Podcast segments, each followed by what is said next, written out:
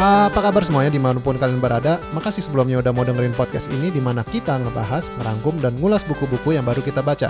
Gua Jamal dan gua lagi pakai seragam PSIS Semarang Gua Aris dan gua habis minum susu nasional rasa stroberi. dan kita minggu ini baca buku apa, Riz? Jadi kita minggu ini baca buku namanya Shoe Dog. Shoe Dog, Nah, Shoe Dog itu merupakan memoir atau atau biografi kehidupannya Phil Knight. Phil Knight. Phil Knight itu yang kita tahu, yang mungkin sebelumnya juga gua nggak tahu sih. itu adalah pendiri Nike. Ya, Ah. pendi- siapa sih yang nggak tahu Nike ya nggak sih? Nah, jadi uh, Shoe Dog ini menceritakan tentang kehidupannya Phil Knight sebagai pendiri Nike. Uh, yang ber- yang dia lakukan bersama dengan Bill Bowerman. Mm-mm. Nah, Shoe Dog itu diterbitkan pada tahun 2016.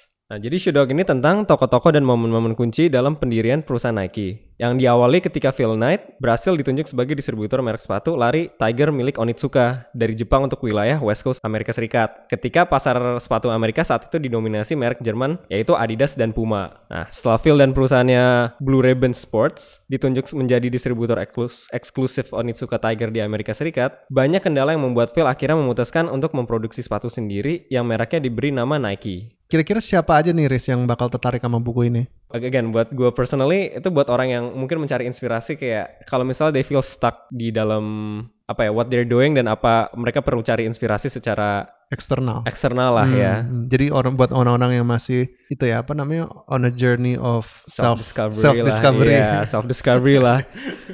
ya. Terus siapa lagi, Riz? Nah, jadi kurang lebih ya mungkin untuk secara yang tadi bilang secara umum lah untuk orang yang mungkin mencari inspirasi Mm-mm. Uh, dan pengusaha tentunya karena ini menceritakan tentang usaha Phil Knight untuk mendirikan Nike Hmm.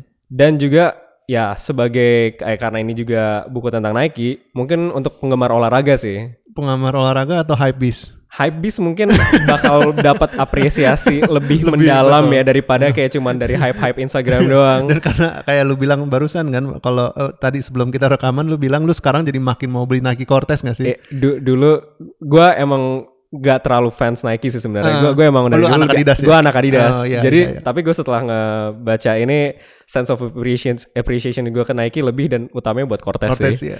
Nanti Nike kita, kita bakal ngomongin ya Nike apa sih yang membuat Nike Cortez itu sangat istimewa selain tampil di film Forrest Gump. Oh iya Ya. iya benar benar benar. Dan eh, pertanyaan terakhir sebelum kita masuk ke rangkuman, kenapa sih kita baca buku ini? Jadi gue sendiri gue emang kurang suka ya untuk membaca atau biografi Ah. ya. Soalnya kebanyakan ya Pencitraan aja ya. pencitraan aja kayak ini ujung-ujungnya kayak emang menceritakan baik-baik aja tentang mereka Iya. kan. Cuman yang gue suka dari uh, Shoe Dog itu karena kita bisa tahu banget flow-nya si Knight itu gimana dan dia unek-uneknya dan flow-nya tuh menurut gue cukup banyak untuk orang yang yang kita lihat kayak sekarang he's, he's, he's the what top 25 richest people in the world. He has to be sih. Iya oh, but, yeah, but he has. To. He's not dia nggak nggak on top of there with Mr. Bezos ya. Cuman oh iya iya. yang pasti kaya banget He's pastinya. up there lah ya. He's up there He's ya. up ya, there. ya. Nah iya dengan kita tahu kayak ah, orang sukses kayak gini pasti mereka kayak mereka perfect lah. Cuman kita setelah baca ini kita tahu Phil ya nanti kita bakal bahas Bakal lebih bahas lanjut, lebih lanjut lah, di ya. rangkuman ya. Ya di rangkuman. Kalau lu sendiri gimana Jam? Kenapa lu baca? Mungkin karena pertama ini Nike dan pas pertama kali gue baca, gue bacanya nggak. Kalau sekarang kan kita eh, kita bacanya dalam bentuk eh, e-book ya. Cuman pas gue beli bukunya pas yang pertama ngelihat covernya aja tuh udah keren banget. Soalnya Hmm. covernya hitam terus ada the the Nike swoosh, Swoosh ya. dengan ya, ya. dalam warna orange itu ikonik aja sih. Dan akhirnya gue beli buku itu dan pas gue baca bener-bener I couldn't put it down. Itu three days gue baca terus langsung gue operin ke saudara gue. Saudara gue baca sambil dia bilang itu jadi toilet booknya dia Eh, dalam seminggu kelar itu this is one of my favorite books ini ini ini ini buku favorit gua lanjut ke rangkuman ayo lanjut ke rangkuman bro. nice Kalian mungkin penasaran, siapa sih Phil Knight dari Portland, Oregon ini? Tokoh di belakang merek olahraga nomor satu di dunia. Apakah dia pemain bola profesional, pemain basket profesional, pelatih atau manajer tim profesional? Jawabannya bukan keempat-empatnya. Phil yang dikenal dengan nama panggilannya Buck dan sempat bercita-cita menjadi seorang penulis, jurnalis, dan tokoh politik. Mungkin bukan atlet profesional, namun sebelum dia akhirnya mendirikan Nike dan menjadi CEO pertamanya, sudah banyak yang Phil capai di luar bidang olahraga profesional. Sebut saja, mahasiswa jurusan jurnalisme dan atlet lari di University of Oregon, lulusan MBA Stanford dan Akademi Militer, Certified Public Accountant di cabang Oregon PwC, tukang jualan buku ensiklopedia di Honolulu, Hawaii, dan bahkan asisten dosen akuntansi di Portland State University. Kalian mungkin bakal lebih kaget giliran tahu orang-orang utama di belakang merek Nike juga bukan atlet-atlet profesional. Kelompok ini yang namain diri mereka sendiri butt faces atau muka pantat terdiri dari Jeff Johnson, kenalan Phil dari tim lari Stanford yang juga mantan pekerja sosial, Bob Woodle, mantan atlet University of Oregon yang kehilangan kemampuannya untuk berdiri dan ke mana-mana menggunakan kursi roda, Delbert Hayes, seorang akuntan berperut buncit dan pemabuk yang terobsesi dengan bulldozer dan peralatan berat, dan Rob Strasser, seorang pengacara bidang asuransi berbadan gemuk yang sesungguhnya membenci asuransi dan pengacara-pengacara lainnya. Kok bisa Phil nemuin orang-orang ini?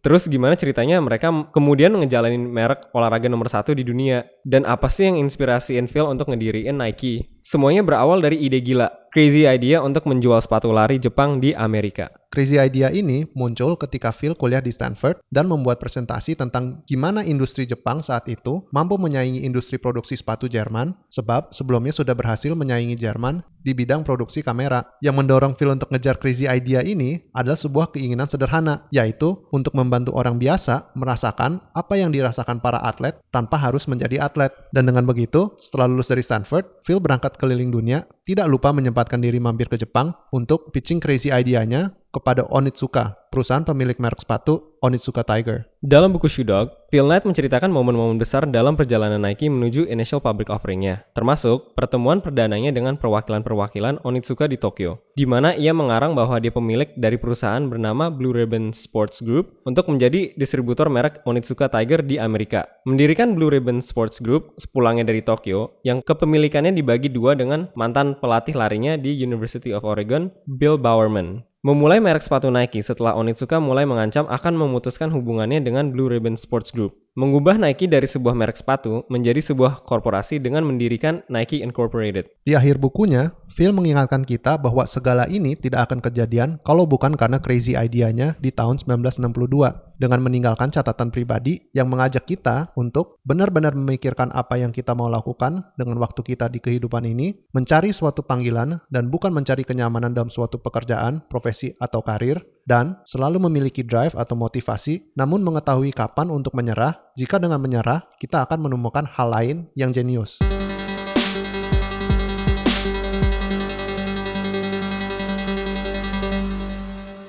Nah, sekarang kita bahas poin-poin penting dari Shoe Dog. Nah, ini kita juga rangkumnya dari mulai dari tahun 1962 sampai dengan 1980 ya. Ya. Karena emang memoir, ini kan sebuah memoir jadi bukan seluruh kehidupannya si Phil Knight. Ini khusus tentang Nike dari zaman dia belum berdiri sampai dia akhirnya penawaran perdana umum atau IPO. IPO. Uh, jadi kita bahas dulu tentang era pra, pra Blue Ribbon Sports dulu ya Jam Boleh. yang dari tahun 1962 sampai 1964. Jadi yang kita awal itu dengan crazy idea dia dan di mana dia mendapat crazy idea itu. Hmm. Yang tadi kita sudah bahas itu dari presentasinya di saat dia melakukan MBA di Stanford. Ya.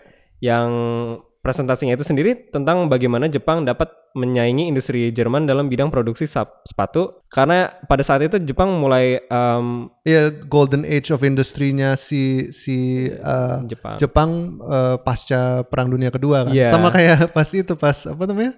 Toyota.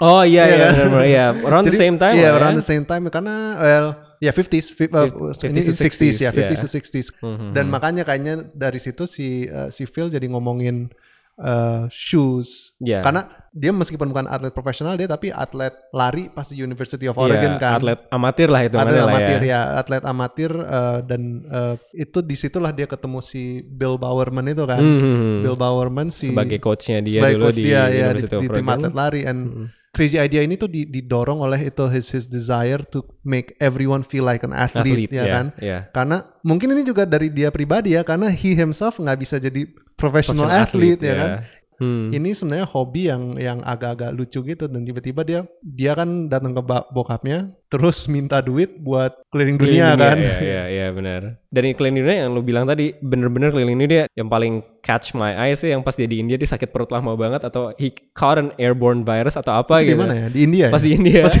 India. Iya iya iya. Pas It dia had kayak, to be sih. Iya dia kayak dia bilang kayak I've never felt more lonely in my life karena dia udah sakit di tempat kayak dia di cubicle kecil banget Iya, atau iya. apa gitu.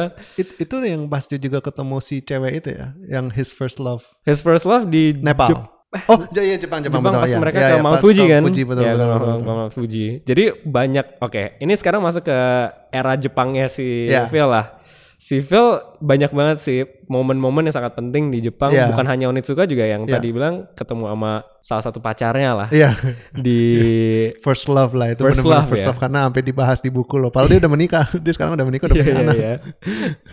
ya pas gue baca awalnya kayak oh ini istrinya Iya, iya, gitu. iya, Oh, iya. Cuman kayak ternyata oh mereka putus. dan Wah, dibahas saking, saking terus. pentingnya gitu Iya, loh artinya. Itu itu itu artinya benar-benar merasakan rasa pahit sih di- Iya, di, kehidupan iya. dia, noda suatu noda di hidup dia. Heartbreak sih. Heartbreak. Ah, jadi di Jepang itu ya karena dia me- mempunyai crazy idea untuk menjadi untuk membawa sepatu lari Jepang ya yang menurut dia emang mempunyai kualitas yang unggul dan juga harga yang bisa bersaing banget dengan Adidas yang waktu itu ya merek paling ya, terkenal Adidas saat sama itu. Puma, Sama Adidas Puma. sama Puma karena sering dipakai sama ini apa atlet-atlet Olimpik kan. Iya, iya, iya, atlet atlet atlet Olimpik buat training sama buat performance itu mereka pakai si Pakainya Adidas, Adidas sama sama- Puma.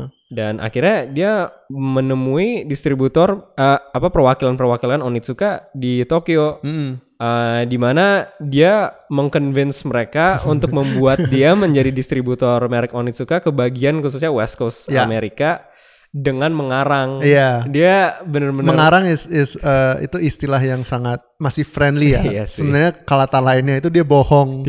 dia benar-benar bohong kepada dan ini kalau salah dihadirin langsung sama Mr. Onitsukanya ya Ah, iya sih iya, enggak ya. iya, Dia iya. langsung Onitsuka jadi ke ownernya langsung he lied straight to his face. Kalau- gue punya perusahaan. perusahaan ya.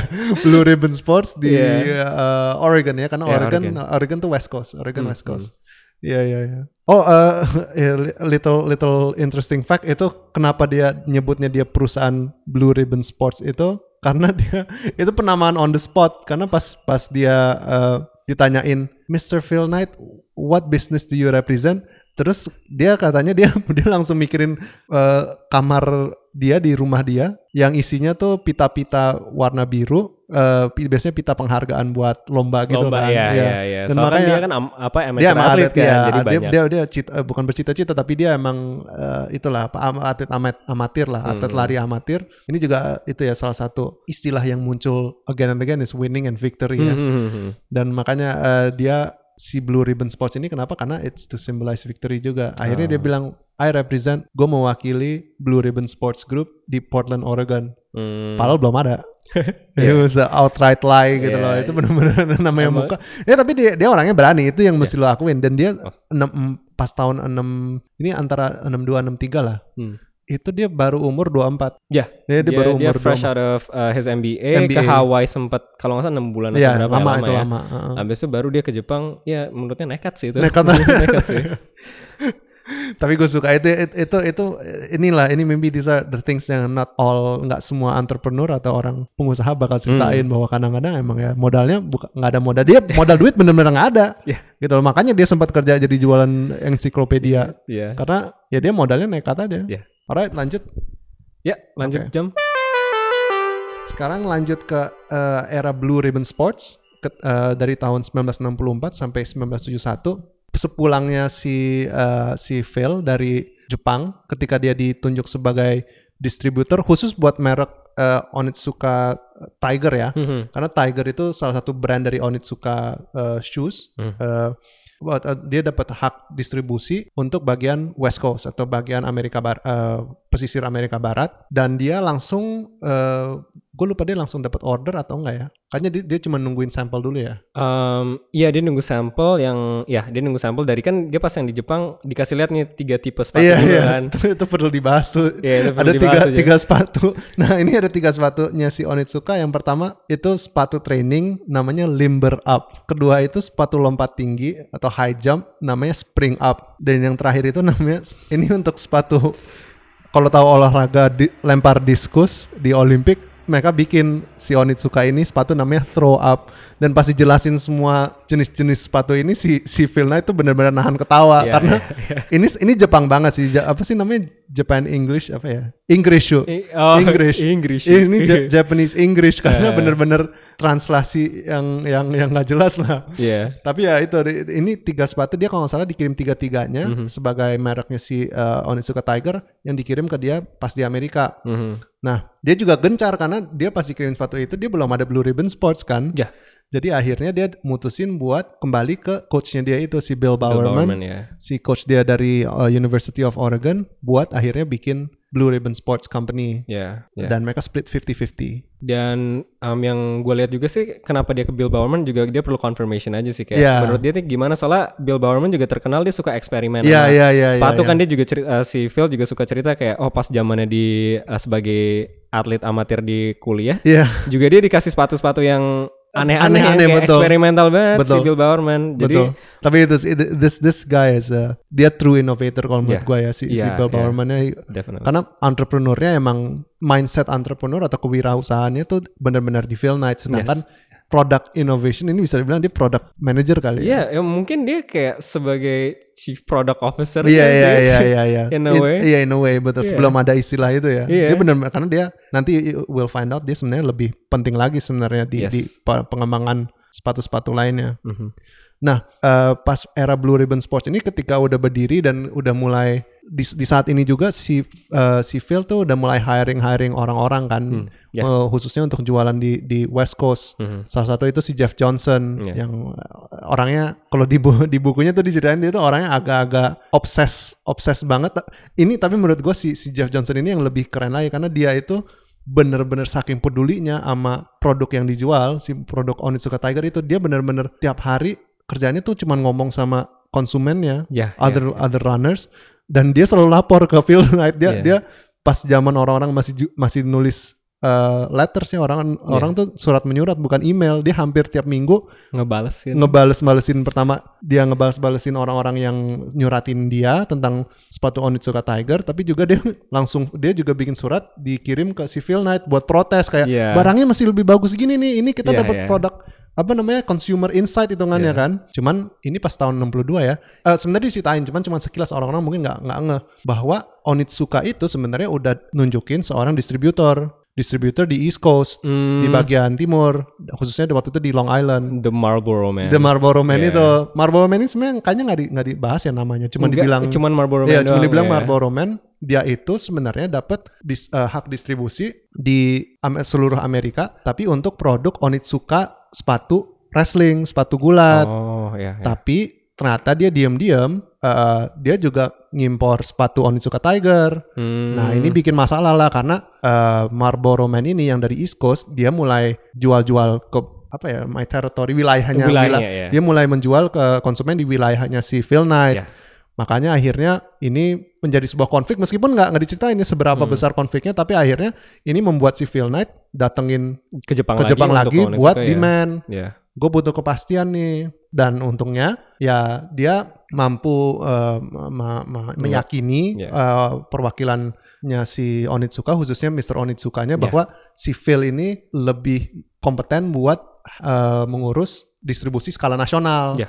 dan akhirnya dia dapat eksklusif distributor rights buat Onitsuka Tiger di seluruh Amerika, seluruh Amerika, selama tiga tahun Ya, ya. tiga tahun oh ini nih yang yang yang menarik nih ini mungkin lu yang mau ceritain tentang the Cortez The ya, the Cortez skill sih. Cortez yang warna biru merah itu loh yang Iya, eh, iya. apa sih? kalau kita sih panggilnya Forrest Gump ya Ya, Forrest Gump. Iya. Cortez lah. Cortez ya. Forrest Gump Nah, jadi si Bill Bowerman memodifikasi sepatu spring up-nya si Onitsuka Tiger agar lebih cocok dengan pasar Amerika dengan julukan Cortez dan di balik Cortez itu juga ini ada yang- cerita iya, juga di yang balik ya. suka sih Iya, ya, ini nih keren sih. Makanya gue juga pengen beli banget Iya, gara-gara ini sih coba ceritanya cerita- si apa tuh, Bowerman. Jadi si Bowerman pertama itu pengen namain namanya Aztec. Mm-mm. Nah, eh, cuman Adidas sempat mengancam akan mengajukan gugatan karena sudah menggunakan nama Azteca Gold ya. Hmm. Azteca Gold. Nah, abis itu si Phil bilang kayak eh, kita namainnya Cortez. Nah, Cortez itu tuh apa? Itu dari nama dari tokoh kebangsaan Spanyol yang menjajah negara Aztec di Amerika Serikat. Heeh. Jadi in a way ini kayak bilang kayak kita superior quality Iya. atau barang dibanding lo soalnya ya ini dari penama orang yang telah menjajah iya Aztec iya hanya dengan namanya itu menurut gue cukup jenius sih iya cukup jenius dan ya kita sekarang tahu lah Cortez sampai sekarang it's, It's apa ya iconic it's sih, iconic Iya. udah if you know Nike kebanyakan orang pasti taunya salah satunya Taunya, Cortez iya. selain Jordan ya Jordan tapi masih lebih recent kan ini dari Iya, iya, 60-an iya, gitu iya, iya. ini dari 60-an sampai sekarang eh, it's to the test of time sih Nah dan, dan si Cortez ini saking populernya itu dulu itu bener-bener sampai supply chainnya demandnya tuh saking Hmm. banyaknya si Jeff Johnson itu si number one employee mereka Number yang employee, yang ya. Yang tugasnya emang buat jual-jualan dan dan ada cerita-cerita bahwa si Jeff Johnson ini, ini- itu dia bener-bener stres karena banyak yang nyuratin dia minta si Cortez tapi Corteznya kan nunggu dari Jepang kan Mhm. shipmentnya dan shipmentnya nggak ada ya udah dia stres aja gitu Iya, iya. Nggak bisa fill in the supply sih. Iya basically, dan ya, the demand. demandnya udah bener-bener kacau. Tinggi Dia bilang itu iya. malah ngerusak saking populernya Iya. itu ngerusak citra Meta kan karena mereka nggak bisa meet the demand. Ya, ya benar-benar. Ya, kita lanjut ke merek merek sepatu Nike. Nah, eh, pembuatan merek Nike itu dengan bantuan em, suatu konglomerat lah, suatu em, perusahaan yang sangat besar di Jepang pada saat itu eh, dengan nama Nisho Iwai. Nah, jadi em, kenapa mereka menghubungkan apa punya hubungan dengan Nisho Iwai itu diawali dengan em, mereka mulai mempunyai relasi yang cukup buruk dengan Hmm. Si Onitsuka. Onitsuka, ya. Ya karena Onitsuka uh, banyak juga nggak meet their apa ya uh, perjanjiannya Iya. lah. Ini agak-agak agak-agak apa ya kayak susah ngegambarinnya hubungannya mereka karena Iya. kalau dari ini kan dari kacamata Phil kan kita Iya, sebenarnya iya, nggak tahu benar. apa yang Iya, terjadi bisa cuman yang dari pasti- Onitsuka iya, juga dari Onitsuka juga ngeliat pasti ya. ya ada selalu ada, ada two stories to a picture Yes, kan dan true, ya. tapi dari Phil ini dia ngegambarinnya bahwa Onitsuka ini mulai istilahnya tai kali ya Iya sih lumayan sih kayak seenaknya banget kayak gue udah ngebantuin lo soalnya kan awalnya emang si Onitsuka pengen ke Amrik dan Phil is Iya, one of the iya. reason kenapa bisa Betul. sukses Betul, banget di betul, betul. cuman Phil ngerasa kayak kenapa lu nge-treat gue kayak gini Iya, dengan nggak nggak kayak pertama shipmentnya telat, Iya, terus itu sering juga ya shipmentnya sering banget telat, dan kalaupun on time katanya bukan yang mereka order Iya, atau iya. mungkin barangnya defect defect Defect, gitu iya, kan. iya. Nah, akhirnya um, Onitsuka itu mengancam akan menunjukkan distributor eksklusif itu ke distributor lain Hmm. untuk wilayah Amerika dan mereka juga pada saat itu si um, salah satu representatif representatifnya Onitsuka Mis- Mr. Ka Ki- Kitami. Kitami ya, Iya, Mr. Kitami. Dia paling banyak relasi dengan Mr. Kitami ini. Mr. Kitami ini uh, mendatangi ke Amerika, si Phil dengan coba sebisa mungkin menghibur dia dan Iya. semuanya. Tapi at the end of the day, Mr. Kitami hanya mau, oke ini offer yang kita apa yang kita berikan, kita nggak suka sudah nggak suka lagi dengan Si Blue Ribbon Sports Blue Ribbon Sports dan dia memaksa untuk mengakuisisi pada Iya. saat itu. namanya hostile acquisition. Hostile accusation. Hmm. Uh, si Phil uh, cukup deskriptif deskriptif sih dengan apa dengan Mr. Kitami Seberapa Phil udah kayak I really wanted to punch this guy.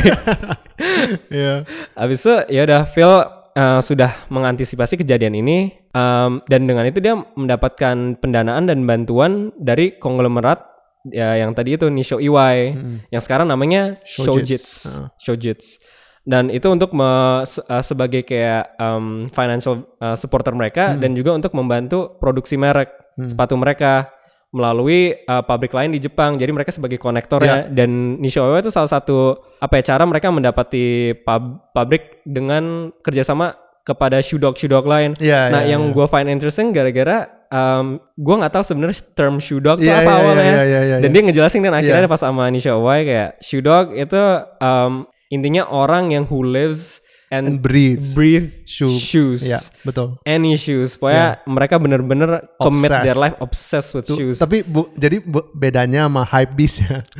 Kalau shoe dog itu shoemaking. Dia tuh pembuat sepatu. Iya, bukan cuman obses tentang sepatu tapi tentang pembuatannya gitu loh. pembuatannya yes, exactly. Ya kalau hype beast ya sorry kontribusi kalian ke dunia sepatu sih. Kalian cuman bikin market value-nya jadi gila banget. Hanya merusak kaya sih. Ya, jadi dikenalkan dengan shoe dog shoe dog ini dan juga um, untuk sebagian membantu Phil juga karena Phil kan sebelumnya dia tidak ada pengalaman untuk memproduksi sepatu kan. Ya, ya. Jadi dia perlu orang on the inside kayak Ya. um, produksi sepatu dari A sampai Z tuh gimana sih? Ya. Karena selama ini dia hanya membantu secara supply uh, apa logistiknya doang kan mau sebagai distributor. Oh ya, ada cerita juga yang menarik tentang penamaan Nike. Dari Oh, mana iya, dia iya, iya. mendapatkan Nike dan juga dari mana dapat um, their trademark The swoosh, The ya. swoosh. Oke, eh, jadi pas awal Phil um, diminta untuk mencari nama dan juga mencari logo, dia meng-hire kalau nggak salah um, Ada- seorang student design Iya, ya, anak desain anak desain gitu untuk um, membuat desain tentang uh, Buat konsep Hmm. uh, perusahaan yang apa sepatu yang dia inginkan ini. Hmm. Jadi um, kalau nggak salah banyak konsepnya. Mungkin gue sendiri agak lupa ya kayak apa aja penggambarannya. Ta- dia pokoknya yang dia bilang dia pengennya movement Ah, bahwa yes, ya, ya, ya. desainnya itu harus bukan animated tapi harus me- menunjukkan pergerakan gitu Pergerakan, loh. ya, ya. Iya. Ya, dengan pergerakan itu dan akhirnya um, student yang anak kayaknya dia masih wa- mahasiswa masih ya kalau nggak mahasiswa. salah ya ma- masih Ya. masa- mahasiswa um, akhirnya dapat trademark swoosh dan Nike eh, si Phil pun dia nggak completely convinced ini yang gue suka tentang Phil sih dia nggak pernah completely convinced about Iya, anything he does Iya, loh. betul betul. dia selalu Betul. kayak ya udahlah nanti juga paling gue suka Iya sendiri iya kok." iya iya. Jadi dia sama Switch sendiri dia kayak oh ya udah uh, bagus soalnya dia lihat kayak itu mengartikan sebagai suara orang yang sangat lari dengan cepat kayak kalau misalnya kita ngelewatin orang kan ada suara kayak Iya. Betul. swoosh. Iya dia dia bilangnya it's the sound of someone running past you gitu Yes, kan. ya ya. Bahwa itu dipanggil switch gue juga Agak ya makanya kayak emang swooshnya namanya doang sebenarnya kalau kalau kalau orang zaman sekarang kan bilangnya checks. Kayak si Dre Ah, kan bilang right. di Yeah, apa tuh checks over stripes. Iya. Iya, kalau Iya, orang kan checks taunya check stripes. gitu. Iya iya iya benar. Nah, abis itu dia udah dapet kan nih apa logonya. Nah, sekarang dia harus cari namanya nih. Nah, namanya apa aja nih? Ini ini pembagian dia menceritakan dapat namanya tuh lucu banget sih. So dia uh, kalau nggak salah brainstorming sama um, pokoknya ya sama orang-orang di lingkungannya itu mereka mulai me- mencoba cari konsep lah kira-kira apa sih nama yang akan mempre- merepresentasikan Merek sepatu merek mereka. sepatu mereka. Salah satunya dimulai dari Falcon, Dimension, Yang paling jelek Six, itu sih Dimension 6. Dimension Six. Cuman Phil paling Itu- suka iya, Dimension karena Six. itu bikinan dia sendiri. Iya, itu ya kan? bikinan dia bi- sendiri. jadi lu bayangin kalau Nike sebenarnya namanya Dimension 6 dan iya. semua orang bilang itu nama terjelek yang ada gitu loh. Tapi si Phil Phil Phil di convinced. cerita dia dia convince bahwa ini namanya bagus dan dia Paling- kayak merasa agak insulted gitu giliran dibilang bahwa ini namanya jelek banget. Padahal dia kayak udah udah suka banget dan Iya. dia udah cu- udah capek gara-gara semua orang tuh selalu ngasih nama nama hewan. Iya namanya Dia Bengal udah, ya. Iya Bengal lah, Falcon lah apa Iya, ya iya, kayak enggak enggak. Nah, yang keren itu sih nama Nike itu katanya sih datang dari Jeff Johnson. Iya betul. Da si employee number one yang Nike Iya. nih katanya dia dat dia idenya datang pas dia lagi tidur ya kalau lagi di mimpi deh kalau salah. Iya, iya, iya, It iya. came from a dream. Pokoknya last minute Last banget. minute ya. banget, last minute banget. Um, dan dia bilang Nike. Terus si Phil kayak, ah apa? Nike. Ya, N-I-K-E. Iya. Terus um, yang tadi lu bilang foreshadowing itu Iya Jam. iya iya. Foreshadowing tentang dia pas ke Yunani. Hmm. Yunani, kan dia sempat ke Temple of Parthenon. Parthenon, Parthenon. Parthenon itu kan. Nah, one of the temple he visited was um, Ni- uh, the temple of Nike atau apa? Iya, iya, iya, iya. Kan? Makanya ada patungnya ada patung Nike. Iya. Heeh. Bukan patung Nike swoosh ya. Iya iya iya. iya. Patung Nike. Jadi Nike itu siapa? Dan Nike itu tuh um, dalam uh, di Mitologi. mitologi Yunani itu dewa kemenangan uh, atau victory. Hmm. Dewi. Dewi, Dewi, Dewi sorry. kemenangan. Dewi kemenangan yang akhirnya mereka gunakan dan pas saat signingnya aja pun si Phil kayak it's gonna grow on me dan dia juga suka gara-gara Nike itu nama yang merepresentasikan victory Iya, dan dia iya, orangnya nggak Iya, suka kalah victory, kan betul, iya, iya, iya. It's dia kan orangnya nggak suka kalah it's about winning kayak he Betul, wants betul. the brand to be about that Ya. Nah, jadi uh, akhirnya pabrik-pabrik Jepang uh, yang direkomendasikan oleh Nisho mulai memproduksi sepatu-sepatu Nike untuk Blue Ribbon Sports saat itu. Jadi Iya. Nike Jadi itu Nike masih produk waktu masih itu produk ya. bukan sebuah perusahaan. Ya. Nah, um, jadi merek Nike dan produk-produknya dipertunjukkan pertama kali itu perdananya lah ya. Itu pada tahun Hmm. Debut, 1972. debut. Iya, debutnya lah, debutnya itu pada tahun 1972 di National Sporting Goods Association show di Chicago. Di mana mereka ditempatkan di display menggunakan ka- ah ini kardus-kardusnya juga ada ceritanya sendiri tuh. Um, kan kita tahu kan kardusnya Nike bright orange Iya, ya, iya, kan. iya, iya. Iya, karena eh, perusahaan-perusahaan produksi dus waktu itu warna warnanya emang nggak banyak Oh, see, satu-satunya ya. yang terang hanya warna ini. Iya, si Phil nge-request sendiri kayak oke we have to stand out Iya. sendiri nih gimana caranya. Salah satunya ya kita pakai box yang berwarna oranye terang Hmm. yang yang satu-satu yang pada saat itu sih hanya satu-satunya ya Iya. dengan nama Nike dicetak dalam huruf kecil warna putih pada sisi kardusnya. Nah, Terus? um, habis itu um, salah satu masalah juga yang Hmm. akhirnya dialami oleh Phil saat itu Hmm. sama Blue Ribbon Sports in general. Ya. Itu sengketa penyalahgunaan merek dengan Onitsuka. Hmm. Jadi setelah Onitsuka menggugat Blue Ribbon Sports di Jepang, uh, Blue Ribbon perlu cara untuk meretaliate lah ya, Ya, untuk lawan balik untuk lah. lawan balik lah. Nah, dia akhirnya sebaliknya menggugat Onitsuka atas dasar pelanggaran kontrak dan penyalahgunaan merek di pengadilan Oregon. Jadi um, Onitsuka menggugat di Jepang, si Blue Ribbon Sports di di Oregon. Amerika, di Iya, Oregon. Betul. Nah, um, dan hakim di pengadilan Oregon memutuskan ia hanya akan memberi putusan atas permasalahan penyalahgunaan mereka, Hmm. di mana ia memenangkan Blue Ribbon Sports dan menghukum Onitsuka untuk membayar ganti rugi yang jumlahnya nantinya akan Ditentuin. ditentuin. Hmm.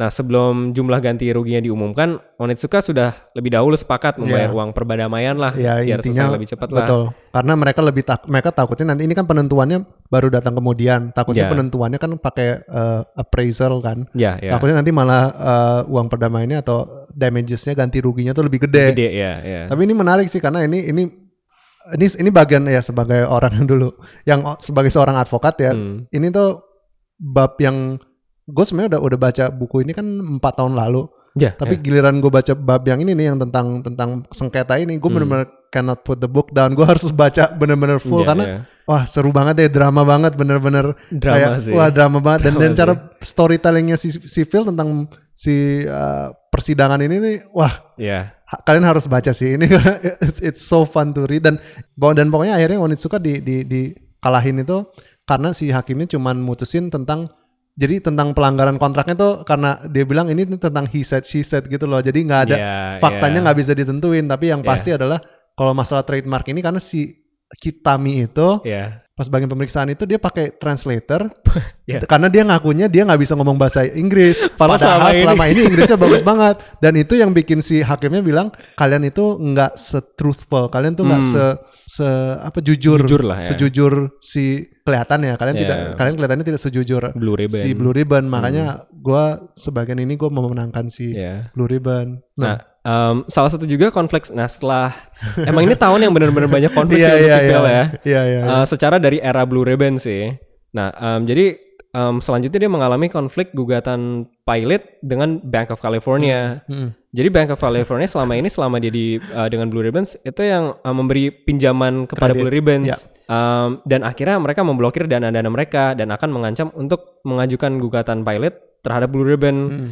Karena mereka menghabiskan seluruh simpanan mereka dan telah mencapai batasan maksimum pinjaman mereka. Meskipun Blue Ribbon tetap membayar biaya Iya. minimum mereka dan tetap pada waktu atau termnya ya living on, the, float. iya Ya, karena waktu itu em, kalau nggak salah ya Jam, correct me if I'm wrong, itu eh, si Blue Ribbon em, juggling between paying Nisho EY dan juga eh, Bank, of Bank, California iya. kan. Tapi mereka lebih sering mengutamakan Nisho Iya, EY kan iya betul sebagai ya. Jadi eh, menariknya ini sih Nisho EY ini jadi istilahnya Japanese trading company ya. Eh, kalau di Indonesia sih panggilannya konglomerat. Hmm. Cuman ini iya, kalian harus ingat ini tahun 60-an Ya. dan yang istilahnya venture capital itu belum terlalu banyak. ya, ya benar. Dan Japanese trading companies ini eh, mereka itu istilah Jepangnya shogo shosa lah. Itu tuh termasuk kayak si Mitsubishi, Sumitomo, Mitsui Hmm. itu semua tuh mereka berfungsinya juga sebagai private equity jadinya Hmm. akhirnya mereka ngasih-ngasih modal jadi emang nekat ya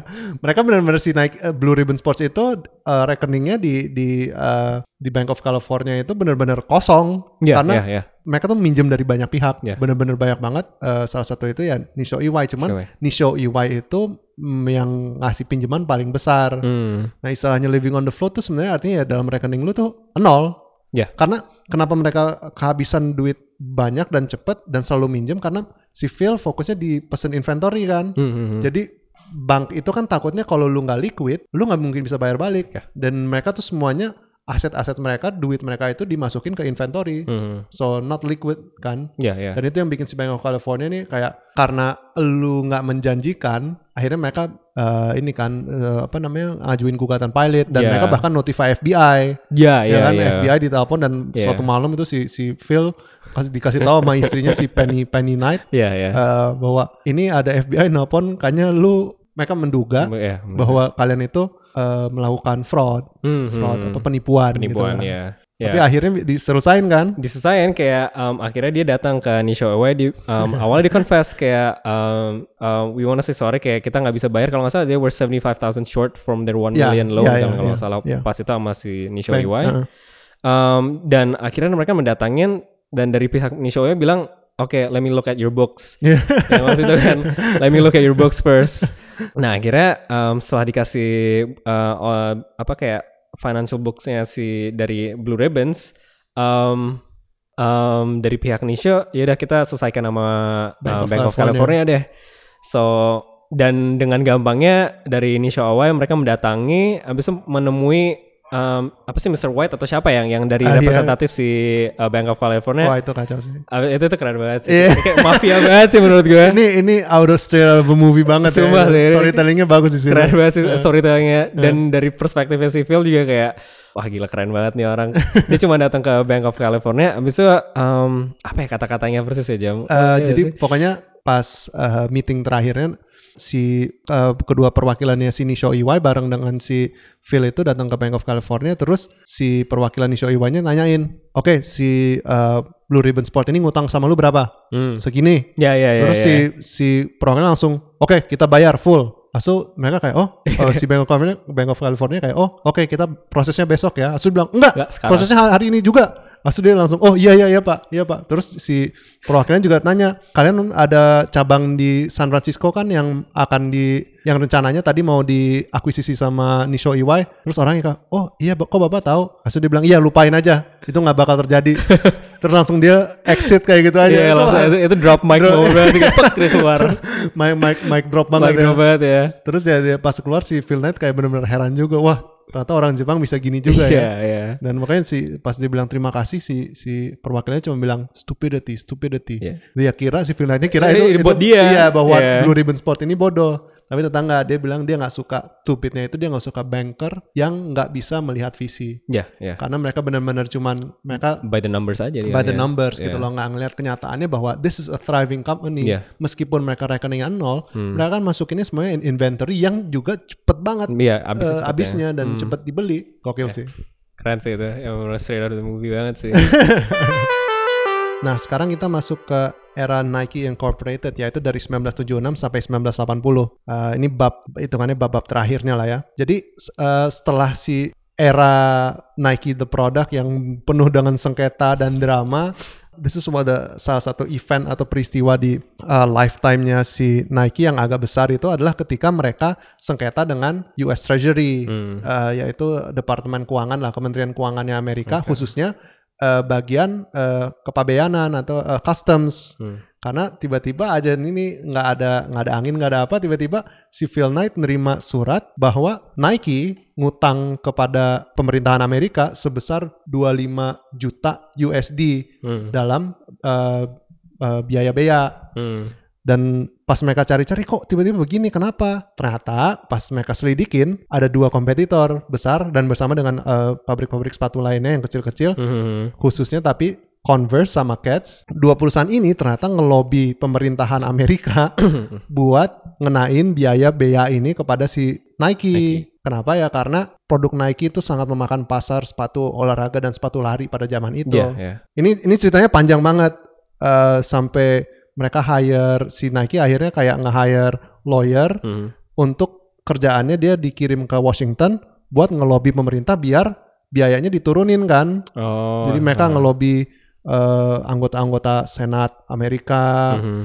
Cuman ada salah satu karak eh, salah satu tokoh lah di eh, badan bea kepabeanannya si Amerika yang yang pokoknya dia nggak mau stand down stand down pokoknya si Phil dengan keras dia berusaha keras buat convince dia bahwa ini nggak fair dan gue udah Hmm. cari tahu ini sebenarnya idenya si ini ini nih kan terus dia bilang Hmm. enggak tapi hukumnya emang emang hukumnya benar Hukumnya ada, iya. Emang hukumnya ada intinya akhirnya apa yang Nike lakuin itu Nike bikin sepatu Nike yang lebih murah lagi produk itu malah makin merusak pasarnya kompetitor-kompetitornya Hmm. si Nike Iya, iya, itu iya. pertama mereka bikin sepatu murahan gue nggak tahu lupa lupa namanya apa tapi Hmm. itu itu ada ada legal legal gray area-nya juga lah pokoknya Oh, dan oke. akhirnya uh, it ended up doing more damage to the market of the competitors, Competitors, ya, ya. ya, ya. Tapi kedua itu mereka bikin iklan iklan di TV Ya, ya, ya. tentang Oregon uh, Nike being a pabrik kecil di Portland Oregon yang lagi dibully oleh pemerintah Amerika. Ya, ya, ya, Dan ya. itu katanya banyak orang yang simpatisan akhirnya sama Nike bahwa Nike ini is a small